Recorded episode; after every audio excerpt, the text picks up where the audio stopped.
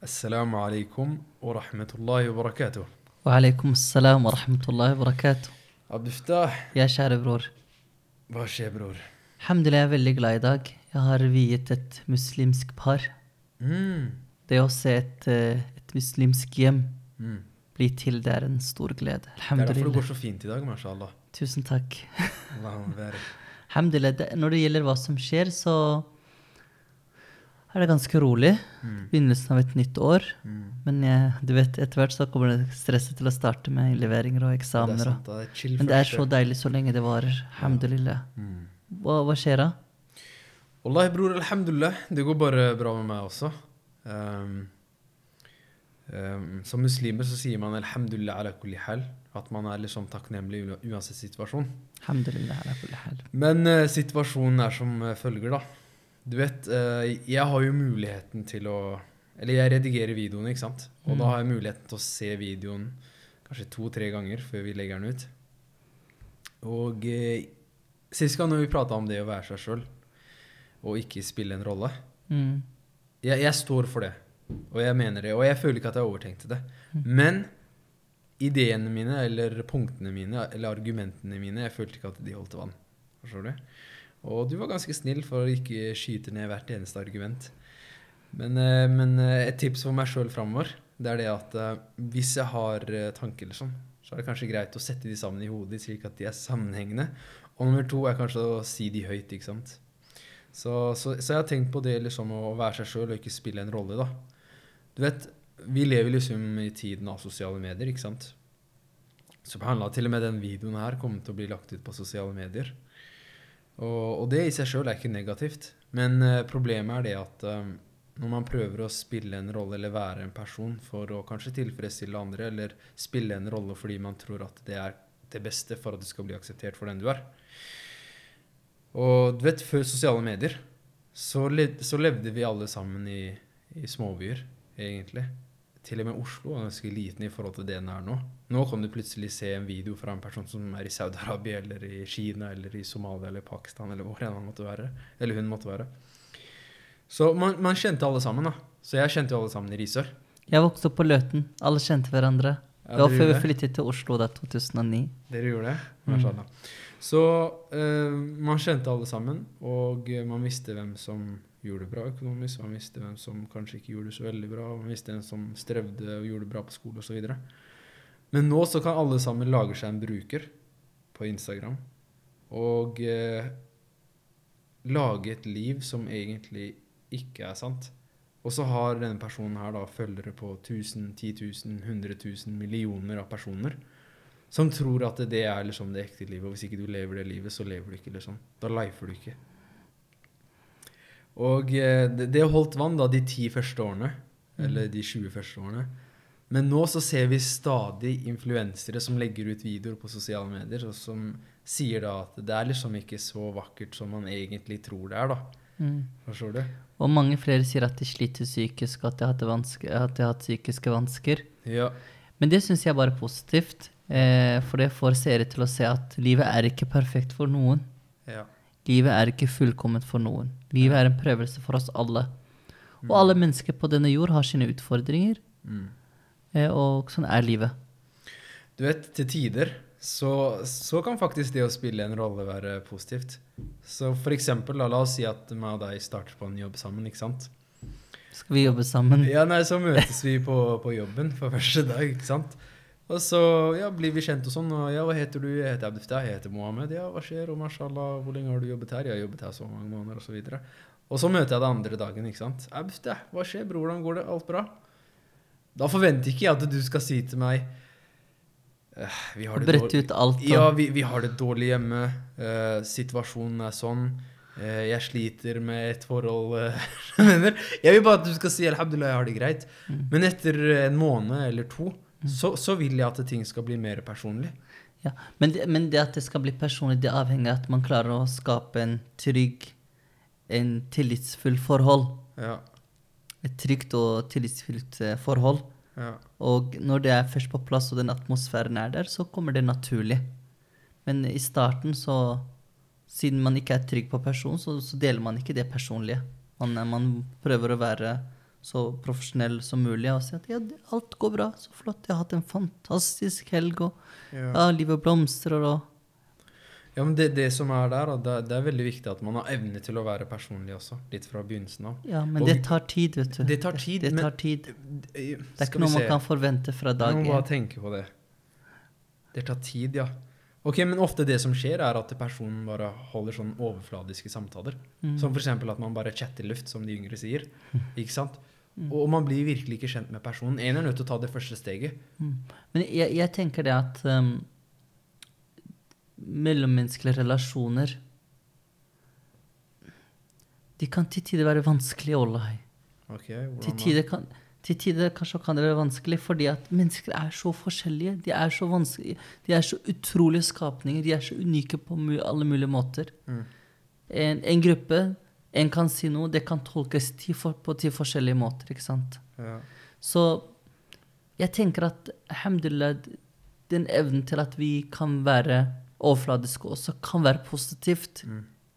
til vi føler oss trygge på denne personen Mm. og har tillit til denne personen her.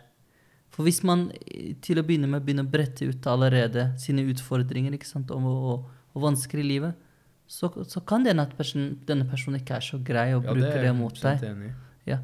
Men jeg tenker at alt det her med det personlige, det tar litt tid å utvikle det. Mm. Vi har kjent hverandre i mange år. Mm. Jeg stoler på deg, du stoler på meg, vi deler ting. Jeg ringer deg, du ringer meg. Og vi deler kanskje ting som vi ellers ikke deler med resten av verden. Vi har våre egne hemmeligheter. Det er sant. det er sant. Sant? Så det er i hvert fall eh, det jeg tenker Men det på. viktigste poenget, poenget du sier, det syns jeg er helt enig med deg, det er at man skal være seg selv, og man skal ikke spille en rolle som andre forventer at du skal ha. Mm. Du skal være deg selv. Ja, hvem er det som egentlig definerer disse rollene? Det da? vet jeg ikke. Ikke sant? Vi, la, oss, la, la oss si at jeg da spiller en rolle, ikke sant? Mm. Hvem er det som egentlig definerer disse rollene her?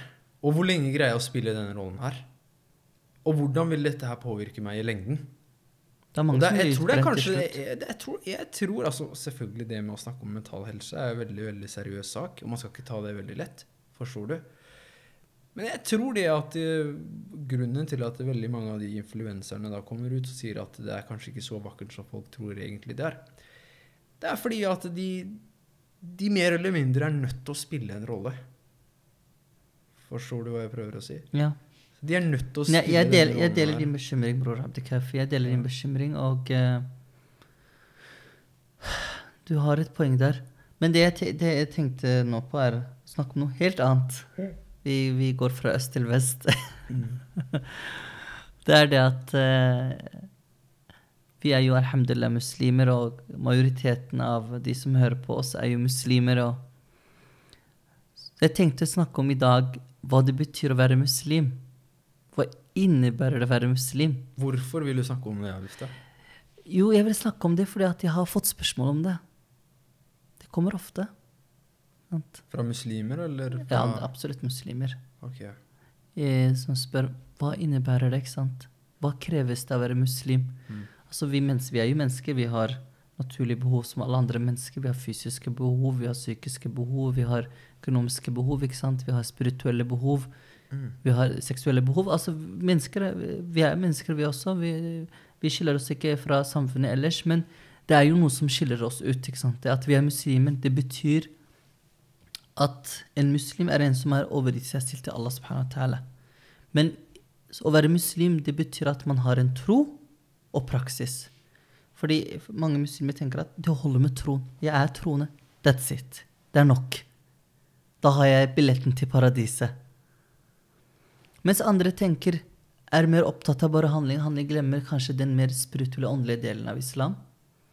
Så det å balansere er veldig viktig. Så derfor tenkte jeg at vi kunne snakke litt rundt det i dag. Og, og reflektere rundt det sammen, slik at man blir mer bevisst på hva er det det betyr å være muslim. Og hvordan kan jeg bli en bedre muslim? Mm. Eh, og eh, når vi først eh, går inn på det, så vil jeg fortelle at eh, som muslim så er man nødt til å tro på seks trossøyler. Eller trosartikler, som, som kalles for arkanul iman. Og eh, disse er blitt fortalt av profet Muhammad sallallahu alaihi wasallam. Og, Og, og, den første søylen er billah. Det at du tror på Allah. Og malaikati, at du tror på engler. Og kutubihi, at du tror på Allahs bøker, at Allah har gjennom historien sendt veiledninger til menneskeheten. Gjennom profeter. Ikke sant? Og at du tror på livet etter, død, etter døden. En- Og. Troen på qadr. Og troen på qadr betyr at du vet at det som har hendt deg, ville aldri ha gått forbi deg. Og det som har gått forbi deg, det ønsket som du hadde, at du ville komme inn på det studiet, få gifte deg med den personen, men det ble, ble ikke noe av. Og vite at det som, det som har gått forbi deg, det vil aldri ha hendt deg. At du setter din fulle tillit til Allah subhanahu wa ta'ala, og er overbevist om at det er en dyp mening og visdom bak alt i livet, og at det er til syvende og sist noe godt i det, selv hvis det er en prøvelse. Mm. Det er vår tro, vår aqida. Mm. At når en ulykke eller en tragedie inntreffer, at du sier 'inna lillah wa inna ilayhi raji'un'. Vi tilhører Allah. Og vi skal vende tilbake til Allah. Du påminner seg at dette livet er en prøvelse, og målet er å vende tilbake til Allah og til vår endelige hjem, som er paradiset. Ok, bror, la oss si at en person da, har opplevd noe vanskelig. Mm. ok? Og som muslim så tror han på al-qadr, skjebnen, ikke sant? Mm. Ok, Hvordan skal denne ungdommen her prosessere dette her, da? Det er viktig å tenke først og fremst qadr er bygd på at du kjenner Allah. Mm. Qadr en, en Frøene av qadar er utrolig viktige. Det at du vet at Allah subhanahu wa ta'ala kjenner til din situasjon, og at han vet hva du gjennomgår i seg selv, er av verdi. Og at du vet at Allah ønsker deg godt. Og Allah vil ikke belaste deg for mer enn hva du kan bære. Mm. Qadr det innebærer rett og slett at du gir deg selv til Allah. At du er optimist. Positiv til at en, det vil alltid komme lettest og vanskeligheter. Hvis ikke dette livet, det er i etterlivet. Mm. Så en muslim må tenke at livet er en prøvelse. Det kan være at du har det vanskelig livet, en- du har en hulbredelig sykdom, en kronisk sykdom. Du har det vanskelig. Hvis du er tålmodig, gir deg selv til Allah subhanahu wa ta'ala, så er det belønning. Det er hevelse av rang. Det er tilgivelse. Det er renselse. Alle elsker deg. Han setter, på, han setter på prøve de han elsker. Og ikke nok med at når din tid kommer en gang i fremtiden, så stiller du veldig sterkt for at du kommer til å bli gjengjeldt alt alle de vanskelige eh, tiden, alle de vanskelighetene som du gjennomgikk. Så det har, det, man må aldri glemme målet, bror. Det er viktig å si her. Man må aldri glemme målet og meningen med livet. Livet er en prøvelse. Og med det mener jeg at når du sitter i eksamen liksom Du sitter i eksamen. Hva er, det-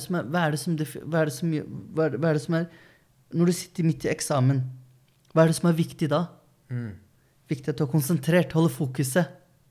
Og at du At du eh, dedikerer deg til oppgaven. Du har ikke mulighet til å fokusere på mye annet. Livet er eksamen. Uansett hva som skjer i livet. Du må ikke glemme målet og meningen. Mm. Du må være fokusert, holde ut, være takknemlig. Snakke direkte til Allah subhanahu wa ta'ala. Og vite at Og, og dedikert til det målet, og vente deg den belønning som Allah har lovet de tålmodige. Du sier at man skal snakke med Allah subhanahu wa ta'ala. Hva, hva er det du Han er den beste hjelper. Hva, hva- men hva mener du med å snakke med Allah subhanahu wa ta'ala? Det er mange måter å snakke til Allah subhanahu wa ta'ala på. En er gjennom de fem daglige bønn, hvor du er i direkte samtale med Allah. Allah. Du sier 'ihdina sarat al-mustaqim'. Minimum 70 ganger. Og Allah, veiled meg til rette veien. Veiled meg til de riktige beslutningene. Veiled meg til de riktige valgene. Ja, Allah, ihdina sarat. Og du sier altså 'Iyaka na'budu wa iyyaka nasta'in'. Du søker hjelp hos Allah og støtte minimum 17 ganger om dagen. Eller gjennom dua, bønn, personlig bønn. Allah, jeg har det vanskelig. Jeg har blitt syk. Jeg har mistet en av mine nærmeste. Jeg har strøket på eksamen. Jeg har det vanskelig i det forholdet her. Jeg har venner som har dolket meg i ryggen. Ja, Allah, ja, Allah. Allah subhanahu wa ta'ala vil åpne dører for deg. Og det andre er gjennom Koran. Når du leser Allahs ord, så taler du direkte til Allah. Og finner veiledning der også i Koranen. For det er en livsveiledning. Bror, det som var, mashallah, du snakket om det med tro, ikke sant? Mm. Og mashallah, eh, det er en fin balanse mellom det å tro og det å gjøre gjerninger. Fordi eh, som vi vet, i begynnelsen av den hadithen som du nevnte, hadith Jibril, så blir da profeten sallallahu alaihi wasallam spurt eh, «Akhbirni an al-islam». Jibril han sier 'fortell meg om islam'. Så profeten sallallahu alaihi wasallam han sier «Al-islamu an tu'mina billahi Al-islamu shahadatu an la ilaha illallah wa anna muhammadan rasulullah wa tuqima as-salah wa tu'tiya az-zakah wa tasuma ramadan tahujja al-bayta in istata'ta ilayhi sabila. Det som er utrolig med disse gjerningene her, da først, Alle sammen kjenner, de til at, eh, kjenner til dem at hovedsakelig først og fremst er at du bevitner at det er ingen andre Gud enn Allah subhanahu wa ta'ala, og hans siste sendebud er da profeten. Du vet eh. Sallallahu alaihi wasallam. Du vet, Det som er utrolig med alle disse gjerningene her Mm. Lærde de sier at de kommer tilbake til deg i dette livet her før neste livet. Og de sier at måten shahadatu an la ilaha illallah wa anna muhammad rasulullah kommer tilbake til deg, det er at det er nøkkelen til paradiset. Og som vi er klar over, er at hver eneste nøkkel har tenner. Du kan ikke bruke den ene nøkkelen her uansett dør. Og tennene til denne nøkkelen her, sier de, er gjerninger. Så la oss se på de gjerningene som kommer etter trosbevittelsen. Første er bønnen. Bønnen, som vi vet, er fem hver eneste dag. I gjennomsnitt så ber vi ca. fem minutter per bønn. Gjennomsnitt. Det vil si at i løpet av 24 timer så bruker du 25 minutter til å be til din skaper som skapte deg, og som har rett at du tilber han alene uten noen form for partnere. Hva skjer med deg i dette livet her? Allah subhanahu wa ta'ala, han, han vil gi deg for, for rohet i dette livet her. Og han vil ta hånd om alle situasjonene dine. Betyr det at en person som er muslim og ber salah, ikke blir testet? Jo, som du sa, jo nærmere du er Allah subhanahu wa ta'ala, så vil du bli testet. Mm. Du blir testet, men du vet målet og meningen bak denne testen. For å se din oppriktighet. Mm. For å se den personen her er virkelig denne personen. Og Allah han vet, han har ikke behov for å teste deg. Men Allah subhanahu wa ta'ala sin sunna, sin regel, sin tradisjon er at han tester sine tjenere. For i det er like de som blir testet mest, er profeter. Og de som er etter han i rekkefølge. Etter dem i rekkefølge. Daib. Jeg skal ikke gå gjennom alle sammen, for da blir det kanskje for langt. Ja. Men la meg påpeke f.eks. hajj. For det er utrolig. Fordi du nevnte salah, og så kommer det deretter å eh, en eh, veldedighet, zakka. Mm. Og så kommer det en, og faste ramadan, og så hajj. Mm. Faste ramadan og hajj. Mm. Eh, hajj Skulle, si noe, du skulle si noe om hajj. Ja, hajj Det som er utrolig med hajj, kjære bror, det er det at eh, en person, hvis han reiser på hajj, og Mm. Allah subhanahu wa ta'ala aksepterer hans hajj, så sier profeten at han vil komme tilbake så dem, som, som den dagen hans mor fødet han, eller henne. Og det det betyr, er at personen vil komme tilbake uten noen form for eh, synder som han, har gjort, han eller hun har gjort. Men det er en annen lærdom som man tar fra hajj også. Vi mennesker vi er sosiale vesener. ikke sant? Vi liker å gå i flokk og være sammen med andre mennesker. Så disse restriksjonene og uh, rona hun har gjort det veldig vanskelig for veldig mange. ikke sant? Og eh, det er en morsom historie til eh, Malcolm X, rahimahullah, når han reiste på hajj. For når han konverterte til islam, så konverterte han til Nation of Islam. Og de hadde da en merkelig aqida, en merkelig tro. Og de trodde at hver eneste hvite person var djevelen. Det er brutalt. Men, men det kom jo selvfølgelig av det med undertrykkelse og rasisme og sånn. Ja. Så når han eh, i senere tid da eh, kom til den riktige veien, så fikk han muligheten til å reise på hajj. Og så skrev han da en dagbok. Så han sa Jeg opplevde noen av de merkeligste tingene under denne reisen her. Jeg møtte folk som var lysere enn de jeg bodde sammen med i hjemmelandet mitt, USA. Og de hadde blåere øyne enn dem. Men Allah subhanahu wa ta'ala hadde fjernet rasisme fra deres hjerter. Og noen ganger så satt vi også i et bord sammen og spiste fra samme tallerken. For i det like den lærdommen som man tar fra hajj også, som også kommer tilbake til dette livet her, er at du ser subhanallah, denne religionen her har nådd alle deler av denne jordkloden. Og det husker jeg fra Medina, og det har vi nevnt tidligere også. Det er litt merkelig, du kommer inn i et klasserom, der borte sitter en fra Mali, en fra USA, en fra Kongo, en fra Tsjetsjenia Sør-Korea. Uansett land! Og alle sammen har forskjellige kulturer. Men det som samler oss, er La ilaha illallah, Muhammadur Det er de seks trossøylene og de fem, eh, de fem cellene som du snakket om. Mm. Men, men det interessante er at eh, denne troen, da disse, Denne troen som vi snakket om, disse, og disse praksisene, ritualene, det gjør oss sterkere, og det skal utvikle oss som mennesker. En, men, men det er ikke nok med, med Mange muslimer tror at det er nok med å be og faste, og så, de, så har det kommet langt. Nei. Mm. Det er viktig å være et godt medmenneske også. For det er en hadith som påpeker det. En fortelling av profeten. Han forteller at eh, på dommens dag, regnskapens dag, så vil det komme mennesker ikke sant, som hadde gjort mange gode gjerninger. Ikke sant? De har bedt, de har fastet, Mm. eh, de har gitt veldedighet. Men personen kommer til dommens dag, og så har han ertet, ertet denne personen, eh, eh, eh, mobbet denne personen her. En annen har slått en, eh, en annen til blods. En tredje har kommet med falske beskyldninger mot andre mennesker. En annen har tatt andres penger og eiendom eh, urettmessig. Eh, En tredje har en, altså mange ugjerninger og urett mot mennesker. Og det som skjer da på regnskapens dag, da vil alle, alle som gjorde det godt, vil få, vil få belønning. De som var onde mennesker, også vil få sin straff. Så det som skjer, er at de menneskene, denne, eh, dette mennesket som tilsynelatende gjorde mange gode gjerninger, kommer her, og så Og så det som skjer, er at uh, disse menneskene kommer for å få sin rett. Mm. Så de kommer til å ta personens gode gjerninger. Til hans gode gjerninger ta, går slutt. Og så, når det tar slutt, så vil da denne personen her eh, Nå er det ikke noen flere gjerninger å ta. Mm.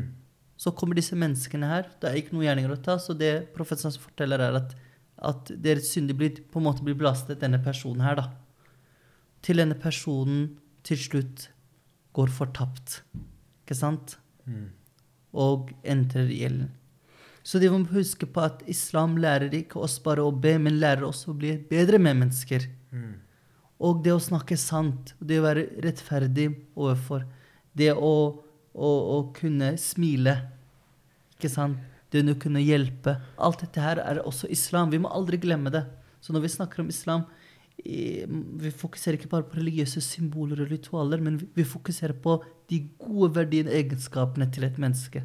Og jeg er ganske sikker på at hvis vi har disse trosartiklene og disse fire søylene, så vil vi vokse spirituelt til vi kommer til ihsan. En ta'bud Allah ka'annaka tarah, At du tilber Allah som han ser deg. Ikke sant? Som du ser Allah.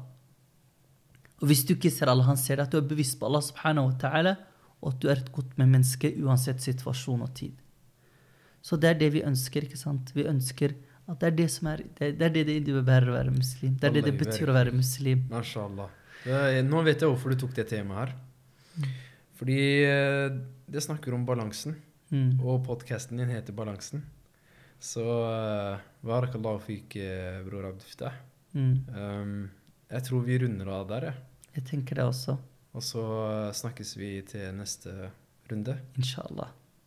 Assalamu alaikum wa rahmatullahi wa barakatuh. Wa alaikum assalam wa rahmatullahi wa barakatuh.